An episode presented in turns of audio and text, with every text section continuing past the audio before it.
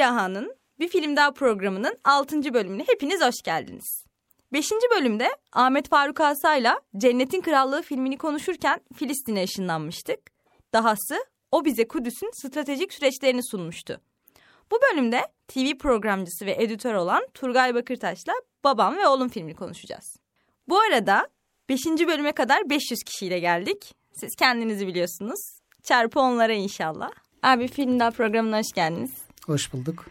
Ee, ben size gün çayınızı ikram ederken sorayım diyeyim ki Turgay Bakırtaş kimdir? Ee, çok sevdiğim bir soru. 1980 Trabzon doğumluyum. 82'den beri de İstanbul'da yaşıyorum. Ee, yazarak hayatımı kazanıyorum. Editörlük yapıyorum. Uzun yıllardan beri işte dergicilik, televizyonculuk gibi işlerde e, bulundum. Hala daha editörlük yapıyorum. Ee, okumayı seviyorum. Sinemayı seviyorum. Kültürle ilgiliyim. Ee, başka bir insan kendini nasıl anlatır? Bir kızım var. 7 yaşında evliyim. Ee, böyle. Allah bağışlasın. Kızınızın ismi ne? Esma Rahel. Çok güzel Rahel. Evet. Ne demek Rahel? Rahel e, Yakup Aleyhisselam'ın eşi Hazreti Yusuf'un da annesi aynı zamanda e, dişi koyun kuzu gibi anlamları varmış. E, hani bu şeyde Rachel, Rahel, hı hı. Rakel gibi böyle değişik e, dillerdeki karşılığı olanın daha Türkçe'de çok sık kullanılmıyor ama e, oradan benim de biraz e, birçok birçoğumuzun olduğu gibi bir Rachel, Rachel Curry'ye karşı duyduğumuz bir hissiyat var e, biliyorsunuz. E, onu da yaşatmak adına e, ikinci bir isim olarak koymuştuk. Çok güzel maşallah. Zulüm bizdense ben bizden değilim diyor. Evet. Çok hoş. Abi öncelikle teklifimi kabul edip programa geldiğin için çok teşekkür ederim. Rica ederim. Abdullah Kibritçi abi dedi ki Turgay abinle konuş. o yüzden ben bizzat bir daha bir daha istekle davet ettim ve e, filmi sizin seçmeniz benim için daha anlamlı oldu. Çünkü konuğun kendinin seçip geldiği filme daha çok önemsediğini, daha heyecanlı gittiğini düşünüyorum. O yüzden hemen sorayım. Neden babam ve oğlum? Neden? Ya şimdi şöyle ilk iletişime geçtiğimizde hani böyle bir e, konsept var ve bununla birlik bu, bununla ilgili işte bir film seçilmesi gerekiyor. İnsan önce şöyle bir e, tavır takınıyor. Yani böyle öyle bir film seçeyim ki işte insanlarda işte e, bir şekilde bir etkilensinler bunlar falan. Hani daha böyle etkileyici olmak üzerinden daha az bilinen işte üzerine çok konuşulmamış falan bir film seçme eğilimi oluşuyor biraz. Ondan sonra dedim ki saçmalama yani hayatımıza etki eden filmlerin birçoğu zaten milyonlarca insanın hayatına etki etmiş filmler. O e, konuşmayı yaptığımız zamana yakın zamanlarda da ben babam ve oğlumu e, yine izlemiştim. E, televizyonda denk gelmişti. Artık yani özellikle açıp izlemiyorum. E, kendime böyle bir kötülük yapmıyorum ama e, denk geliyor bazen. İşte gündüz böyle kanalları gezerken bakıyorum. İşte babam ve oğlum oynuyor. İster istemez takılıyorsunuz orada. Sonra o zaman işte Twitter'da da yazmıştım. Yani bu filmin şeyi nereden geliyor? Yani 10. kez izlerken bile hala ilk sefer izlemiş gibi bizi etkiliyor. Hemen daha yani sahneler gelmeden gözler yaşarmaya başlıyor. O Pavlov'un köpeği deneyinde olduğu gibi bir şartlanmışlıkla bunu başarabilen ikinci bir film hatırlamıyorum ben. Yani hani çok böyle duygularımızı e, etkileyen, izlediğimiz zaman bizi böyle günlerce etkisinden çıkamadığımız her anlamda illa duygusal yani ağlatma anlamında değil birçok anlamda filmler var yok değil ama babam ve oğlum bunu çok üst bir seviyeye taşımış bir film. E, dolayısıyla benim de ilgimi çekiyor hala ve aslında cevabını bulabilmiş de değilim. Yani şunun yani neden etkilendiğimiz ortada zaten hikaye evet. belli ama defalarca defalarca karşılaşmamıza rağmen neden hala ilk seferindeki gibi e, bir etki yaratıyor üzerimizde onu gerçekten hala çözmüş değilim. Belki burada konuşurken evet. sohbet ederken bir şeyler çıkar ortaya diye umuyorum. E, o yüzden babam ve oğlumu seçmek istedim. Çünkü benim için e, Türk sinemasının hani böyle hani çok liste yapan işte en iyi 10, en iyi 5 falan diye şeyler yapan bir insan değilim. Çok e, yüzde vermem o tarz listelere ama öyle bir liste yapacak olsam kesinlikle oraya alacağım bir film. Yani Türk sinemasının en iyi filmlerinden bir tanesi. E, ki yönetmenini hiç de sevmememe rağmen. Ya, Onu neden? da söyleyeyim. Ya şöyle Çağınırmak o kadar büyük bir beklenti yarattı ki bizim kuşakta. Evet. Babam ve oğlum çünkü ilk filmlerinde ikinci filmi yanlış hatırlamıyorum. Mustafa hakkında her şey vardı. Hı hı. Sonra onu çekti. Orada işte televizyon işleri falan oldu. Dizi çekiyordu.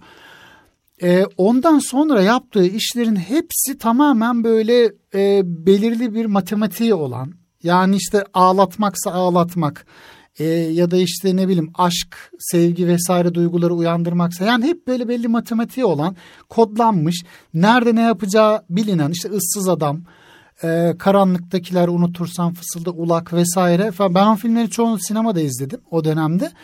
Ama hiçbiri bir babam ve oğlum değildi ve tamamen bir piyasa yönetmenine dönüştü. Benim için bir hayal kırıklığı bu. Yani büyük yönetmenler tek bir filmde büyük yönetmen olmuyorlar çünkü. Fakat bu kadar büyük bir film çekip de sonrasında bu kadar tek düze gitmiş olması beni üzdü ve o filmlerde açıkçası ilgimi çekmediler. Hele ıssız adamı izlediğimde baya öfkeyle çıkmıştım. Yeah. Ya, hakikaten e, sinema salonundan. E, çünkü e, yani bir önceki filminde bir mi iki önceki miydi o zaman neyse.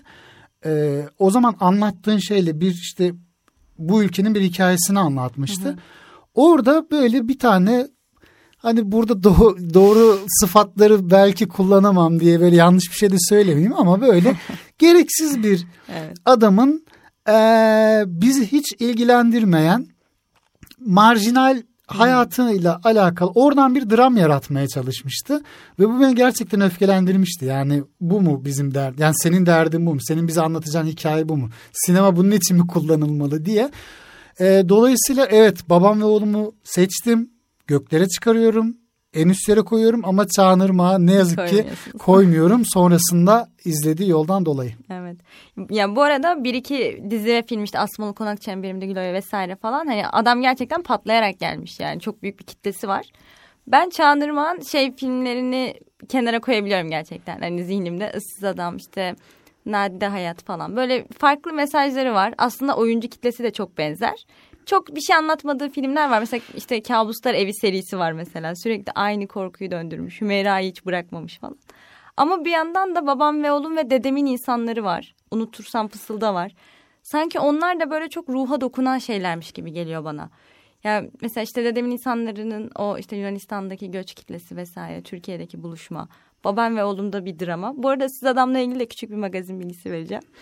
Başroldeki abimiz, filmdeki adı Alper diye hatırlıyorum ama e, şeyi söylüyor. Benim yüzümden çok kişi ayrıldı, çok kişi boşandı ve çok zaman geçtikten sonra çok kişi evlendi. Fakat benim bu konuyla hiç alakam yok. Ben aynı kadınla yıllardır evliyim, çok mutluyum, çok sessiz, içine kapanık bir adamımdır. Ama sırf o rolü bana çok yakışırdıkları için hayatımda hep öyle pişlendim diyor. O da öyle bir şey kalsın. Babam ve oğluma dönersek ben ilk söylediğinizde şeyden çok çekindim. Ya bir kaybınız varsa ve e, bunu yayında açığa çıkarsa sizi incitirsem çok üzülürsek yani günün sonunda burada çok üzülerek dahil falan diye. Öncelikle öyle bir şey olması beni çok mutlu etti. Ama e, şu anda da baba olduğunuzu öğrendim mesela. Evet. Bunun da ayrıca bir şey var. Çünkü filmde aslında birçok açıdan baba işlenmiş. İşte dede ve torun ilişkisi çok ayrı konuşuruz inşallah. Baba ve oğul ilişkileri çok ayrı. Büyük baba ve büyük dedenin kendi ilişkileri çok ayrı. Aslında hani o baba oğul kitlesinde çok üzüntülü taraflar var. Ama filmin ilk başına gittiğimizde 80'ler darbesiyle açılış yapıyor. İşkencelerle devam ediyor. Aslında o döneme dair ne söylemek istersiniz? Biraz oraya girebiliriz. Zaten şöyle bu film iki katmanlı bir film. Yani iki tane teması var aslında. Birisi ee, bu 12 Eylül. Bu bir 12 Eylül filmi. Hı hı. Yani bir baba oğul hikayesi evet. Yani çift yönlü baba oğul hikayesi ondan bağımsız olarak e, zaten filmi bu kadar etkileyici kılan benim için yönü de bir 12 Eylül filminin bu kadar iyi, bu kadar farklı ve olması gerektiği gibi yapılabilmiş olması. Çünkü e, yalnızca 12 Eylül için geçerli değil. Yani tarihimizde, dünya tarihinde de çok fazla trajediler var, yaşanmış. E, bunlar bir şekilde e, edebiyata, sinemaya, sanata aktarılıyor. Fakat genellikle özellikle yakın dönemde yaşananlar işte aktarılırken fazla dramatize edilerek, fazla göze sokularak yani e, ideolojik boyutu çok öne çıkarılarak e, yapılan işler olduğu için e, gerekli etkiyi uyandırmıyorlar. Dolayısıyla işte 12 Eylül ile ilgili yapılan işlere çok fazla yok gerçi ama baktığımız zaman işte e, uzun uzun işkence sahneleri ondan sonra işte e, gattar gardiyanlar e, işte e, polisler şunlar bunlar vesaire sürekli böyle o şeyi ideolojik e, nefreti yani duydukları haklı nefreti orada bir haklılık haksızlık boyutundan bağımsız söylüyorum ama bunu bu kadar göze sokmak yoruyor insanı. Yani bir izleyici. Sonuçta sinemanın bazı kuralları var. Bir hikaye anlatmak zorundasınız. Belli bir yere odaklanıp da onu insanın gözüne gözüne soktuğunuz zaman e, istediğinizin tam tersi bir etki ortaya çıkarıyor. Dolayısıyla babam ve oğlum ne yaptı? Evet orada da girişte e, bir şey var. E, bir işkence gördüğünü falan anladığımız bir şey. Ama e, çok kısa geçiyor hemen. Sonrasında şunu görüyoruz. O hikayenin geri kalanı birazdan konuşacağız. Hikayenin geri kalanının çıkış noktası 12 Eylül. 12 Eylül olmasaydı o hikaye olmayacaktı. Evet. Çünkü hikaye nasıl başlıyor? Ee, babasını hayal babasının kendisi için kurduğu hayalleri e, yok sayıp kendi istekleri doğrultusunda işte e, çiftlikten e, ayrılıp şehre giden okuyan e, biz seni anarşist olasın diye mi okuttuk diye bir replikle orada filmde geçiyor. İşte babası onun ziraat mühendisi olmasını istiyorken o evet. gidiyor işte başka bir şey oluyor ve kendi hayatını kuruyor ve bunu başaran bir adam e, sonunda işte 12 Eylül'den sonra gördüğü işkenceden dolayı ve yine hatta e, işte eşini kaybetme sahnesi de yine doğrudan o gece işte darbe gecesine denk geldiği için e, işte eşiyle beraber çıkıyor ama sokaklar bomboş, taksi bulamıyor, sesleniyor, insan bulamıyor. Hı hı. Bunun sebebi de darbenin Darbe. gerçekleşmiş olması. Dolayısıyla eşini kaybetmesi de e, sonrasında işte işkenceden dolayı sağlığının çok bozulması ve artık ölüme çok yaklaştığını hissetmesi hikayemizin çıkış noktası. Evet. Bundan dolayı hayattaki e, tek yakınlığı yani hayatta tek tutunacağı yer ailesi ve oğlunu emanet edebileceği tek yerde ailesi olduğu için oraya gidiyor. Başlangıç noktası bu ve ama bu başlangıç noktasını belirleyen şey 12 Eylül. Yani bunu çok net biçimde film bize söylüyor. 12 Eylül olmasaydı bu hikaye olmazdı evet. diye. O yüzden e, bu anlamda e, daha önce yapılmamış bir işti ve bu o çok takdir ettiğim çok e, ve İnşallah devamı gelir dediğim bir şeydi. Çok da gelmedi aslında. Hı hı. Yani o olmuştur belki şeyde falan vardı aslında. E, İftarlık Gazoz filmi miydi? Oydu galiba. E, benzer bir film vardı. Yine böyle çok göze sokmadan bir insan hikayesi üzerinden dönem şartlarında işte o da ideolojik sebeplerden, darbelerden, şundan bundan dolayı acı çekmiş, hayatları kararmış insanların e, hikayelerini o şekilde anlatan işler yapıldı ama yani hala daha yeterli düzeyde değiller. Evet. Babam ve oğlum bunu en güzel şekilde yaptı ve bir standart koydu ortaya. O anlamda çok değerli bir film. Evet. Ama e, mesela başında şey kısmını bize aslında hiç cevap vermeden geçiyor. E, darbede o gece dışarıda olduğu için mi hapse işte atıldı arka planda çocuğu bir iki yaşına geldiğinde hapisten çıkıyor. O sürede mi işkence gördü? Ya da işte oğlunun adı Deniz anlıyoruz ki kesinlikle bu adam işte solcu işte o yüzden hapiste vesaire. Ama onları vermiyor aslında bize. Yani çünkü evet. 12 Eylül'de sadece solcuların işkence gördüğü bir gerçek de yok. Tabii. Ve e, o süreçte böyle bir hızlı geçiş ve bilgilendirmediği bir süreç de var bize. O bizim hayal gücümüze bırakıyor muhtemelen.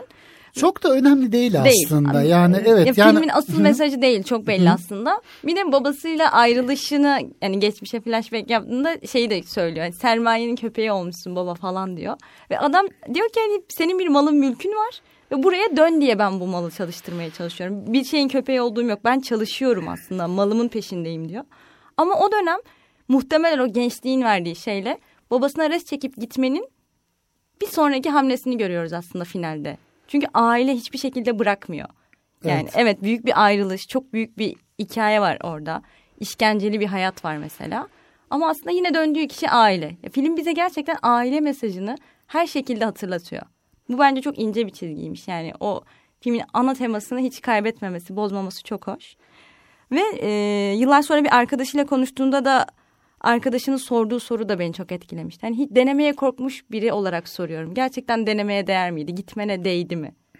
Onu da tam cevaplamıyor aslında. Bütün bir hayatı boyunca verdiği bir mücadelenin nereye dayandığını da çok göremiyoruz. Evet.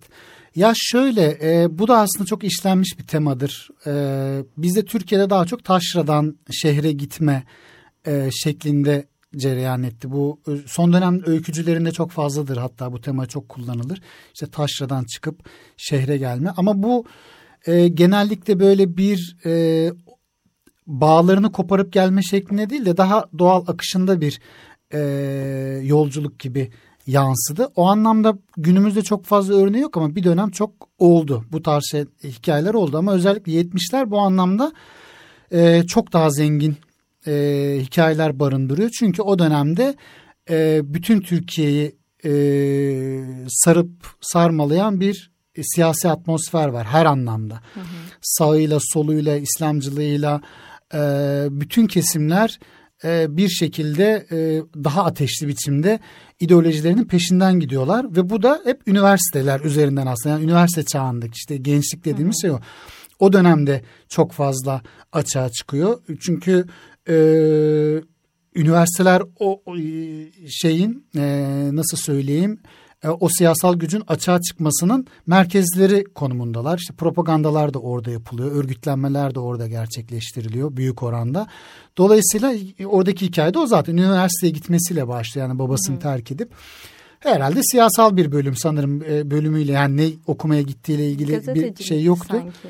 E, yani sonuçta şey değil evet, bir evet. mühendislik değil, bir değil. işte hukuk vesaire falan gibi bir şey değil. Yani bir meslek sahibi olacağı e, daha doğrusu söyle klasik anlamda Hı-hı. işte bu geleneksel ailelerin Babasının isteyeceği. Babasının işine bir... yaramayacak yani. E, aynen öyle babasının işine yarayacak bir şey değil. Ee, ama şimdi bu kopuş hikayesi çok evrensel bir hikaye aynı zamanda. Aileden kopmak şeklinde değil de babadan kopmak şeklinde. Çünkü mesela e, yine filmde biliyoruz ki annesiyle görüşüyor aslında. Hı hı. O uzun annesi gitmiş çocuğu doğduğunda mı gitmişti işte sanırım. İşte o vardır yani iletişim kopmaz. A, oradaki şey de önemli. Aileden kopmak aslında evet. yok. Babadan kopmak var. Doğru. Bu bu da insanlık tarihi kadar eski bir hikaye. Yani baba oğul çatışması. Babanın oğulla e, bir mücadeleye girmesi. Daha doğrusu oğlun babasıyla bir mücadeleye girmesi. Babanın iktidarını terk etmek istememesi ne derseniz deyin. Ta Hazreti Adem'den başlıyor. Hatta Hristiyan inancında bu biliyorsunuz işte Tanrı e, ve oğlu işte Hazreti İsa'yı o şekilde e, sembolleştirirler. Yani bir baba oğul, o da bir baba oğul ilişkisidir. e, bu edebiyata çok yansıdı işte Dostoyevski'de yani Freud'a kadar yani bütün bir şeyi düşünce e, tarihini edebiyat tarihini etkilemiş bir mesele. O anlamda da e, bizde tabii daha e, bizde derken işte Türkiye'de biraz daha tabii yerel şeylerle birlikte alışkanlıklarla birlikte, adetlerle, geleneklerle birlikte biraz daha farklı bir hale almış ama özünde sonuçta bu bir e, iktidar mücadelesi. Bir baba ile oğlunun arasında geçen iktidar mücadelesi. Baba diyor ki çiftlik benim, seni ben yetiştirdim, ben büyüttüm, hı hı. her şeyini ben yaptım. Dolayısıyla e, bundan sonrasını da ben karar vereceğim. Çünkü yarın ben olmadığım zamanda da bu düzen devam etmeli. Bu düzenin başına geçecek olan da sensin. Tabi orada şey de var.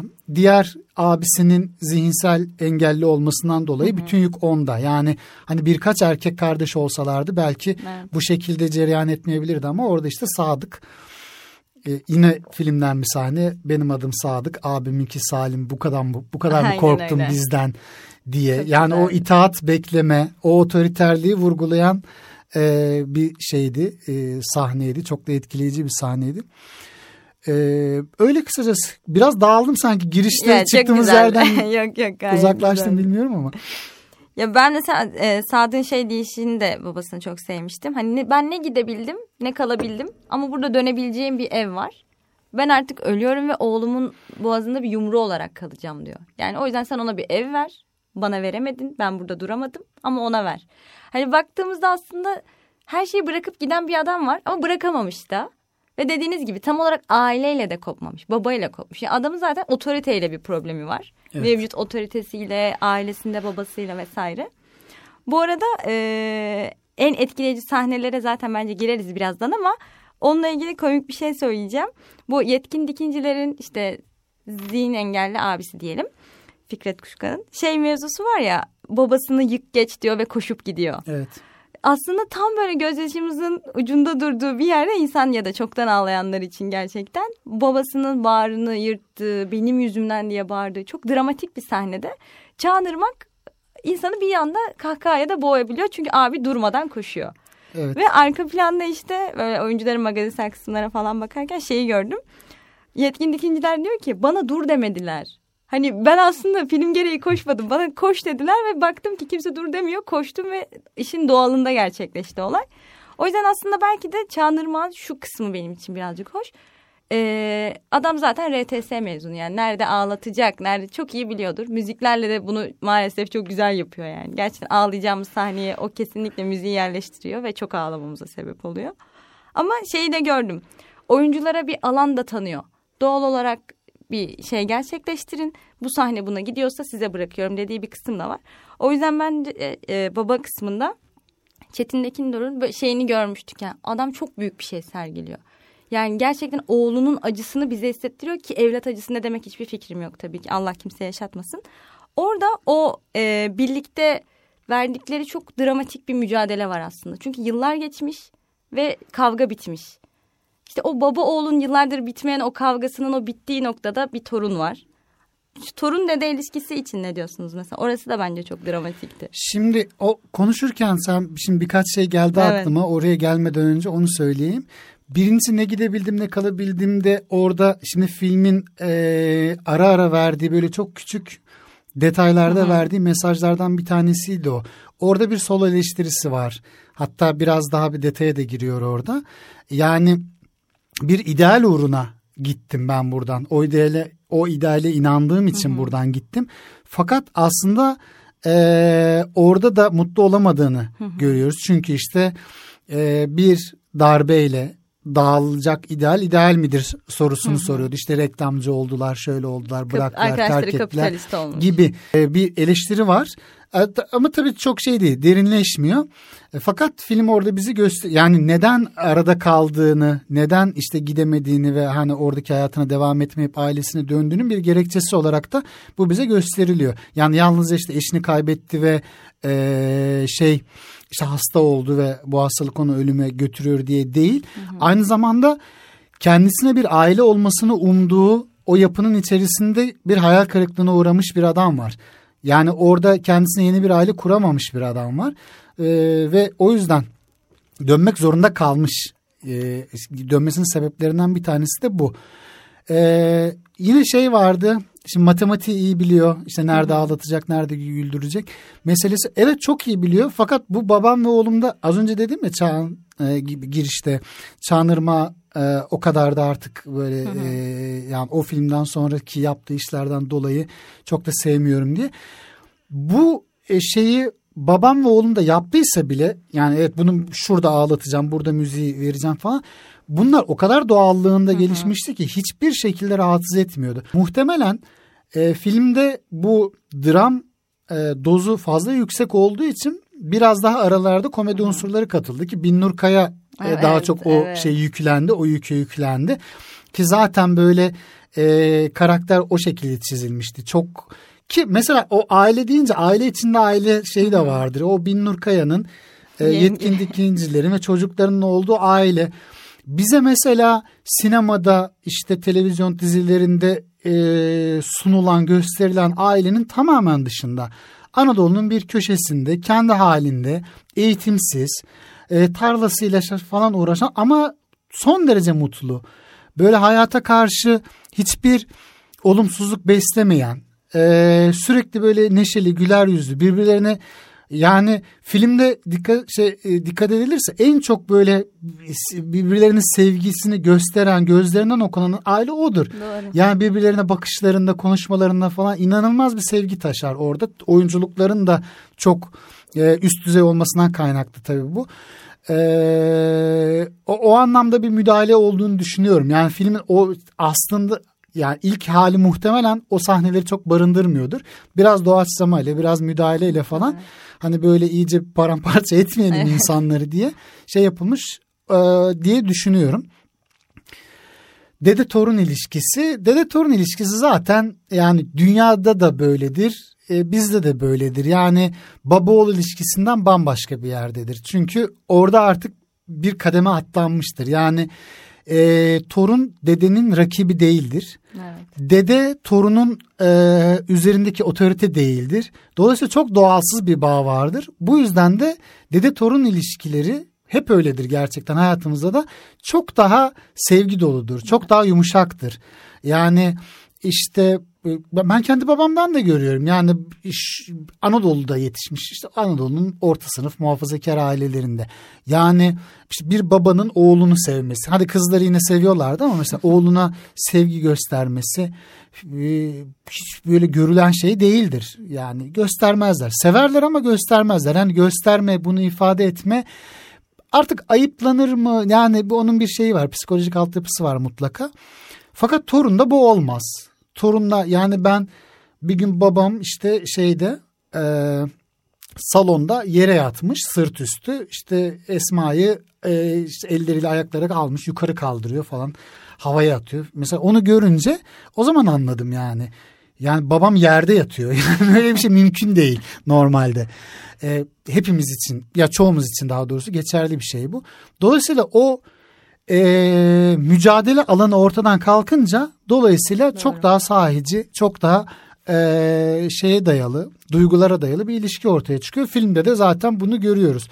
E, çünkü ilk başta e, şeyde Deniz'de e, anlıyor zaten babasıyla dedesi arasında bir e, şey olduğunu, gerilim olduğunu. Zaten dede otoriter bir evet. figür. Çok şey değil, sert değil ama otoriter bir figür. Dolayısıyla bir kolluyor, bir bakıyor. Yani Dede bir çekingenlik var. Ee, ondan sonra e, fakat sonra görüyoruz ki işte dede de fırsatını kolluyor bir şekilde. Hatta orada da başta hatırlarsan çizgi roman alma sahnesi var. İşte o çizgi romanlardan mı ne varmış bilmem neymiş. Hayırdır torununa mı alıyorsun falan diye biraz iğneliyor bakkal. Ee, orada ya yok işte şöyledir böyle çok konuşma falan sar hemen ver diye hani üstünü Aynen. örtüyor. Fakat sonra hızlıca o bağ kuruluyor çok sıcak biçimde ve sonrasında ki işte şeyde Sadık da bundan son derece mutlu oluyor evet. işte bunun işaretlerini gördükten sonra. Ee, işte filmin güzel tarafı bu. Her şey çok gerçek. Evet. Yani bütün bu hikayeler çok gerçek. Hiçbiri bu, bu böyle olmaz değil mi? Yani hayatımızda hep gördüğümüz e, şekliyle cereyan ediyor. E, ama tabii çok dramatik e, bir sona vardığı için e, bizi biraz yıkıyor. parçalıyor, yıkıyor. Evet maalesef. Ben böyle o sahneleri çok goy goylu konuşalım istiyorum. Çünkü gerçekten farklı bir yere gitsin istemiyorum program ama bence çok dramatik bir filmdi. Yani hiç beklemediğim bir sol karışı yemişim gibiydi bazı sahnelerde. Hiç hoş değildi. Şey kısmı da vardı abi. Mesela e, adamın hayatı evet babasına res çekmekle başlıyor eşini kaybetmekle devam ediyor. O sırada darbe olduğunu öğreniyor ve sabaha kadar kaybettiği eşinin başında oğluyla kanlar içinde bekliyor. Çok dramatik bir sahne zaten. Akabinde işkencelerle devam ediyor. O yolda da bütün arkadaşları, bütün inandığı değerler uğruna geldiği, savaştığı bir kitlede herkes kapitalist olmuş ve süreç çok kötü bir yere gitmiş. Adam mücadele ediyor ve artık şey diyor hatır gönül için bana gazetede iş veriyorlardı. Hiçbir şey yaptıkları yoktu. Ve akabinde tekrar döndüğünde aile evine dönüyor. Artık babasıyla ipler gerilmiş, süreci bitirip vefat edecek. O süreçte gittiği noktada aslında çok büyük kalp kırıklıkları da var. Ama yine dönebildiği aile olduğu için buraya kadar bu kısmı konuşmak çok rahatlatıcı. Evet. Buradan sonrasında birazcık diyaloglara girelim istiyorum. Ben. Ama kısımları nasıl geçeceğimize dair hiçbir fikrim yok. Hiç hoş değil. Şey kısımları ya babasıyla o yüzleştiği sahne o baba oğul noktasında ya benim en azından gözlemlediğim kitlede işte gerek psikolojik gerek sosyolojik süreç hep şöyle ilerliyor. Ee, babalar tam olarak oğullarıyla rakip mi bilmiyorum ama asla aynı değiller. Yani kızlara verdikleri eş nokta bu bizim evde de böyle. Yani normalde çok goy goy bir ailem vardır ama abimle babamın bir yerden sonra goy goyu benimle olduğu kadar sınırsız değildir. Yani evet her şeyleri çok güzel maşallah ama görüyorum ki babamın bana tahammül sınırı çok yüksek ama abime Gökmen hadi sus bakalım. Yani Görkem konuşsun falanla gidiyor. Burada üzücü bir noktada yani Sadık'ın hayatının bu noktaya geldiğini görmek ve babasının da o arkasında durduğu kısmı göremeyerek devam etmesi çok üzücü. Ama ölmek üzere olup döndüğünde de yine babasının sahip çıkması aslında evet Türk aile yapısı olarak baktığında şey olarak bakıyoruz bence. Senin bütün görüşlerine katılmam ama senin için canımı feda ederim. Evet. O yüzden bence Türk aile yapısı her zaman böyle. Yani seninle bütün düşüncelerimi paylaşmak zorunda değilim. Bütün hayatına katılmayacağım. Ne yapıyorsan yap. Ama sana en ufak bir şey olduğunda burası senin evin. Ve e, dede torun ilişkisinde de bence süreç çok tatlıydı. İşte ilk başta dede bana, sakın bana dede demeyle falan gidip. Sonra bu arada kitaplara çok vurgu yapıyor filmde. O da çok güzel. Sadık'ın da sürekli bir kitap hayatı var. denizinde ve denizin aslında böyle gündüz düşleri gibi bir şey olması bence filme çok güzel bir renk katmış. Yani işte dedesini çok karanlıktan gelen bir korsan, bir kovboy olarak görmesi, ara ara farklı yerlere geçiş yapması. Bence filmi bayağı bir renklendirmiş. Bir de az önceki tatlı aile yapısında bizim çok alışık olduğumuz değil gerçekten. Fazla neşeliler. İzmir'in bir köyünde geçiyor film. Plakalar hep 35'ti. Dedim ki tamam bunlar buralardalar. Şey de var yani belli sol aile yapısını verdi bize. İşte muhafazakar olduğunu bilip bilmediğimizde güzel bir yaşantıları var. Kendilerince mutlular. Ama ortada çok büyük bir drama var. Çünkü sonu hiç güzel bitmiyor. Şey kısmı da hoştu bence. E, teyzenin yıkıp geçme sahnesi. Yani şey diyor benim yüzümden gitti adam. Ve engel olabilirdim işte sağda. O da diyor ki babanı yık geç. Gidecek olanın önünde duramayacağını görsün. Gerçekten bu konu ne mesela? Gerçekten gidecek olanın önünde o baba orada hiç mi duramaz? Ya aslında orada o sahne e, hani sonu her ne kadar böyle mizahla bitse de çok filmin evet. en zirve sahnelerinden bir tanesi. Oyunculuk anlamında da öyle. E, hikayenin artık bir finale bağlanması anlamında da çünkü yani şey bitmiş artık Sadık hayatını kaybetmiş ve bunun e, işte cenazesinden döner hesaplaşması var. Evet. Sonuçta ortada bir e, hesaplaşılması gereken bir daha doğrusu kişisel hesaplaşmanın gerektiği bir durum var. E, bundan dolayı da bu çok bu da yine hani diyoruz ya filmde her şey olması gerektiği gibi bu da çok insani. Gerçekten de böyle olur. Yani insanlar e, sevdikleriyle ilgili olumsuz durumlarda kendileriyle bir e, kendilerinde bir dahli varsa bu hikayede e, bu sorumluluğum var mı vicdan azabı e, hisseder miyim diye bir iç muhasebeye girişirler. E, ki buradaki çıkış noktası tamamen baba ile oğlun arasındaki çatışma olduğu için de baba haliyle bu çatışmaya evet. giriyor. Bu muhasebeye giriyor ve dolayısıyla onu durdurabilirdim.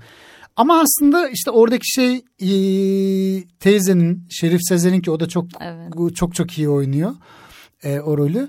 E, vermek istediğim mesajı sözlü olarak veremeyeceğini bildiğinden bir şey yapma ihtiyacı hissediyor. Anlık bir e, şey gösteriyor, tavır gösteriyor ve işte bir, hemen orada bir çözüm buluyor. İşte çekiyor oradan Salim babanı ilk geç diyor.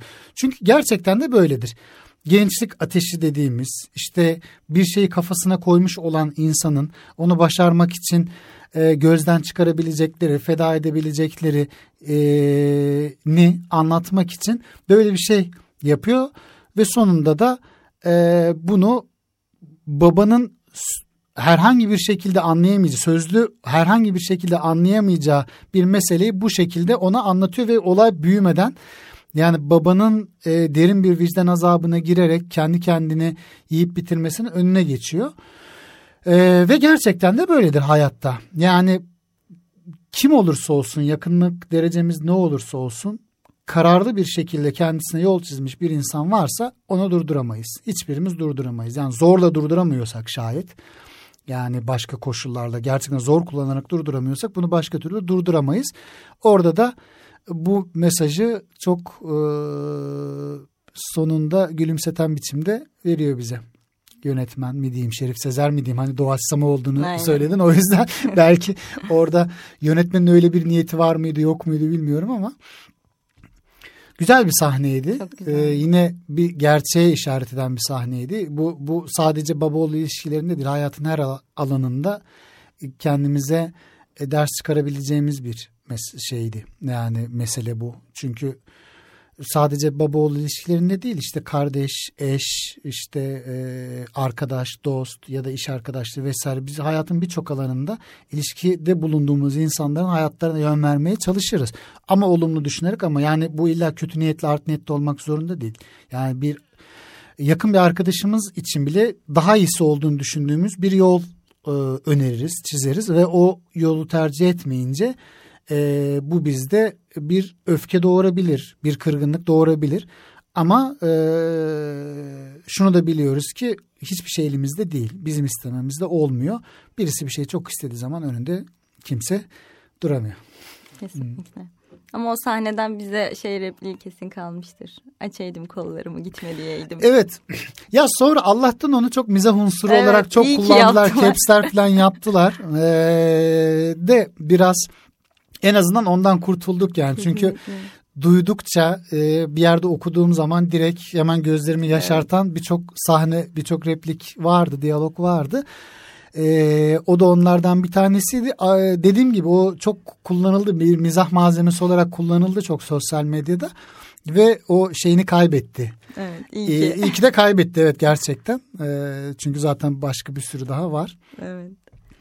Ee, dede ve oğul ilişkisi işte torun ilişkisi onu konuştuk. Bir de Deniz'le Sadık'ın ilişkisini konuşalım bence. Onların ilişkisi de çok güzeldi. Yani çocuğun hayal gücü aşırı yüksek. Babası onu çok destekliyor. Okuyuşuyla ki annesinin yerine geçmiş aynı zamanda şefkat noktasında da çok yüksek. Deniz'in babasına sorduğu çok güzel bir soru var. Aslında onun da cevabını yine size bırakayım. İnsan büyüdükçe hayalleri küçülür mü? Evet. Şimdi orada tabii e, Deniz'in e, büyümesi annesiz büyüyor. Annesini daha doğduğu anda kaybediyor. Ama babasıyla da e, orayı da yine hani şeyden çıkarıyoruz. Babası da işte bir süre işte e, cezaevinde kalıp işkence görüyor vesaire falan çalışmak zorunda. Dolayısıyla babasıyla da e, çok sıkı bir ilişkisi aslında olamadığını anlıyoruz o hikayeden. İşte bir e, kadın vardı sonradan gelmişti. Hı hı. O daha çok ilgileniyor. Ev işlerine falan da gelen gider. Ama sonuçta nihayetinde Deniz'in hayattaki tek tutunacağı dal babası. E, o yüzden de e, onu kahramanlaştırıyor. Zaten o gündüz düşleri dediğimiz evet. o hayallerinde de e, babasına yer veriyor. E, onun söylediklerini, e, işte öğütlerini, e, hayat ya onun daha sonra hayatında ne kadar yer alacağını anlıyoruz. Yani Deniz'in aslında büyümüş halinde babasının ne kadar etki edeceğini de bize yönetmen yer yer gösteriyor. Ee, onun dışında e, şey de var tabii. Bir de babanın gözünden oğul var. Sonuçta e, sadece e, hayatını kaybetmiş olmanın ya da e, işte denize bir aile bulmanın, denizin hayatının geri kalanında e, nasıl söyleyeyim bir eksiklik de yaşamasını istemediği için bir çözüm bulmaya çalışmanın dışında kendisinde de oğlunu kaybedecek aslında. O da onu bir daha göremeyecek olmanın hüznü var ama bunu sürekli bastırıyor. Bu yani aslında film boyunca bunu çok göstermiyor. Evet. Ara ara açığa çıktığını görüyoruz böyle bir mimikle, bir şeyle filan. Ee, ama e, sonuç olarak e, karşılıklı bir kaybediş hikayesi var orada. Yani fakat baba orada bir fedakarlık gösteriyor ve bunu tamamen içine gömüyor. Çünkü oğluna bunu miras bırakmak istemiyor. Son sahneyi hatırlayalım. Aslında şeyin hayalinde, Deniz'in hayalinde hani beni hep böyle hatırla diye şimdi yine hani gözümde olmasın. Eyvah. Hani oralara girdik. Ama hani o sahnede gösterilen şey e, o daha doğrusu o sahnenin çekilme sebebi de bu aslında. Evet. Baba e, oğluna bir şey miras bırakmak istemiyor. Hiçbir şekilde babasını düşkün, üzgün bir şekilde e, oğluna e, hasretle e, hayatını kaybetmiş bir adam olarak görmesini istemiyor. Beni hep böyle hatırla evet. diye. Demek o, o sahneden de şunu anlıyoruz. O, çünkü o sahne Deniz'in hayalindeki bir sahne sonuçta. Hı hı. Baba gerçekten orada değil. Babanın e, Deniz'e bunu verdiğini ve nedenli büyük bir fedakarlıkta bulunduğunu da aslında o sahne sayesinde öğreniyoruz. Evet yani gerçekten çok fenaydı. Bir de şey kısmı da var. Hani orada artık bana ihtiyacın yok sen iyi bir yerdesin rahatsın vesaire gibi bir konuşma yapıyor Deniz'in halinde ama benim sana ihtiyacım var diyor. O da diyor ki büyüdüğünde bana ihtiyacın olmayacak büyümeye söz ver. Yani aslında çok küçük bir çocuk için çok zor bir karar. Birden büyümeye söz veriyor. Çünkü büyüdüğünde şu an çok hatırlamayacağını biliyor. Şu an yaşananları artık atlatacağını biliyor. Aslında çocuğun büyümeme arzusunu babası hayalinde gelip bitiriyor ve büyümeye söz ver. Bir de orada işte yağan yağmurda işte sinemada yağmur arkitepte hep şey denir ya arınma, tamamlanma, huzura kavuşma vesaire. Evet. En azından hani Deniz'in gözünde babası huzurlu bir yerde. Evet. Ama Deniz çok kısa bir zaman sonra ilkokula başlıyor. Ve orası da çok dramatik. İşte babaannesiyle... Repliklere girmeyelim. Oradaki e, uçmasın. ben onu burada istiyorum. E, az önce bir soruyu es geçtim. E, işte, insanlar büyüyünce hayalleri küçülür mü diye. Ya o da mesela çocukluğumda tabii ki e, böyle dramatik bir mesele üzerinden değil ama çocukken ben de mesela şunu çok sık söylerdim kendime. Mesela çizgi film izliyorum. Çok seviyorum çizgi film izlemeyi. Bütün çocuklar gibi. Ama işte evde baba varsa anne varsa o zaman işte televizyonun kontrolü işte babada kumanda bir tane şey var evde. Ee, işte baba gelir hemen onu açar işte siyaset tartışma programı vesaire falan. O zaman kendi kendime şunu dediğimi hatırlıyorum. Ya ben büyüdüğüm zaman da hep çizgi film izleyeceğim. Çünkü çizgi film çok güzel bir şey. Neden onu izlemiyorlar ki? Yani neden bunu izleme mani oluyorlar? Ee, fakat öyle olmuyor işte. Yani e, sonuçta insanın e, bir gelişme süreci var. Geliştikçe zihni farklı alanlara e, evriliyor, kayıyor. Başka şeyler düşünmek zorundasınız. Başka ilgi alanları oluyor artık vesaire. Sonuçta bir yetişkin haline dönüştükçe e, hayatla kurduğumuz ilişki de değişiyor. Fakat çocukken bunu bilmediğimiz için ve bilemeyeceğimiz için yani belli bir yaşta geçmişe bakarak muhasebe yapabiliriz ama gelecek henüz olmadığı için ortada onunla ilgili bir şeyde bulunamayız, yargıda bulunamayız. Sadece temennimiz olur. Yani hep böyle kalalım. Bir de insan doğası gereği muhafazakar e, bir canlıdır. Hep var muhafaza etme, korumak ister. Yeni bir şeyden kaçınır. Çünkü bu elindekilerle ilişkisini nasıl etkileyeceğini bilmez. E, o yüzden de hep böyle kendi kendine sözler verir. Yani neden işte hani büyüdüğümde de bunları yapamayayım ki? Ben şimdi eğer şu anda bundan çok keyif alıyorsam, bunu çok istiyorsam 10 yıl sonra neden istemeyeyim? Çünkü kötü bir şey istemiyorum. Ee, yani hayal kuruyorum, hı hı. çizgi roman okuyorum. Neyse işte oradaki şeyde. Ee, fakat tabii orada onu anlayamayacağı için çocuk yetişkin yani geleceğin ne olduğunu, yetişkinliğin ne olduğunu bilmediği için baba orada daha böyle sakin bir geçiş yapıyor işte ufak ufak anlatıyor işte ne diyordu orada cevap olarak onu hatırlamıyorum ama yani oğlunun o şeyini kırmak istemiyor Hı-hı. kısacası. Konuşmak çok güzel. Duygulandığım kısımları atlamak istiyorum şu an. Hoş değil. Evet yani ben de e, kaçınır kaçınarak e, o kısımlardan konuşuruz diye umuyordum. Öyle de oldu başardık evet, aslında çok Teşekkür fazla ediyorum. girmedik. Çünkü şöyle yani hakikaten hani ondan bahsettik program boyunca filmin e, bu yönünün ne kadar güçlü olduğuna hani e, hele ki o hastane bir gül falan hiç girmedik oralara evet. bir gülle olan ilk aşkı. E, ilk aşkı mesela o da hikayenin bir başka katmanıydı. Ama onunla işte hastane bahçesinde evet. bir konuştuğu bir sahne vardı.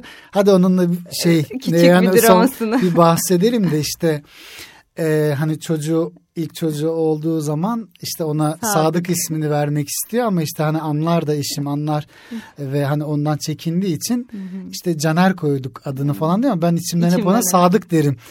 Ee, dediği sahne vardı. Şimdi onlar da böyle böyle bir sürü yan hikayeler daha var. İyi ki girmedik. Şimdi de durdursak mı iyi olur burada.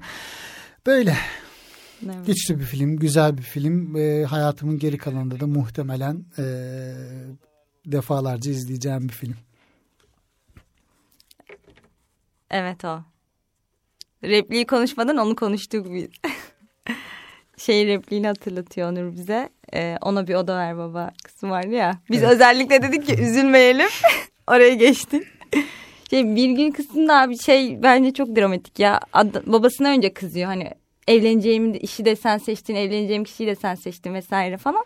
Ben hani onu şey zannetmiştim. Hani adamın kıza dair hiçbir olayı yok.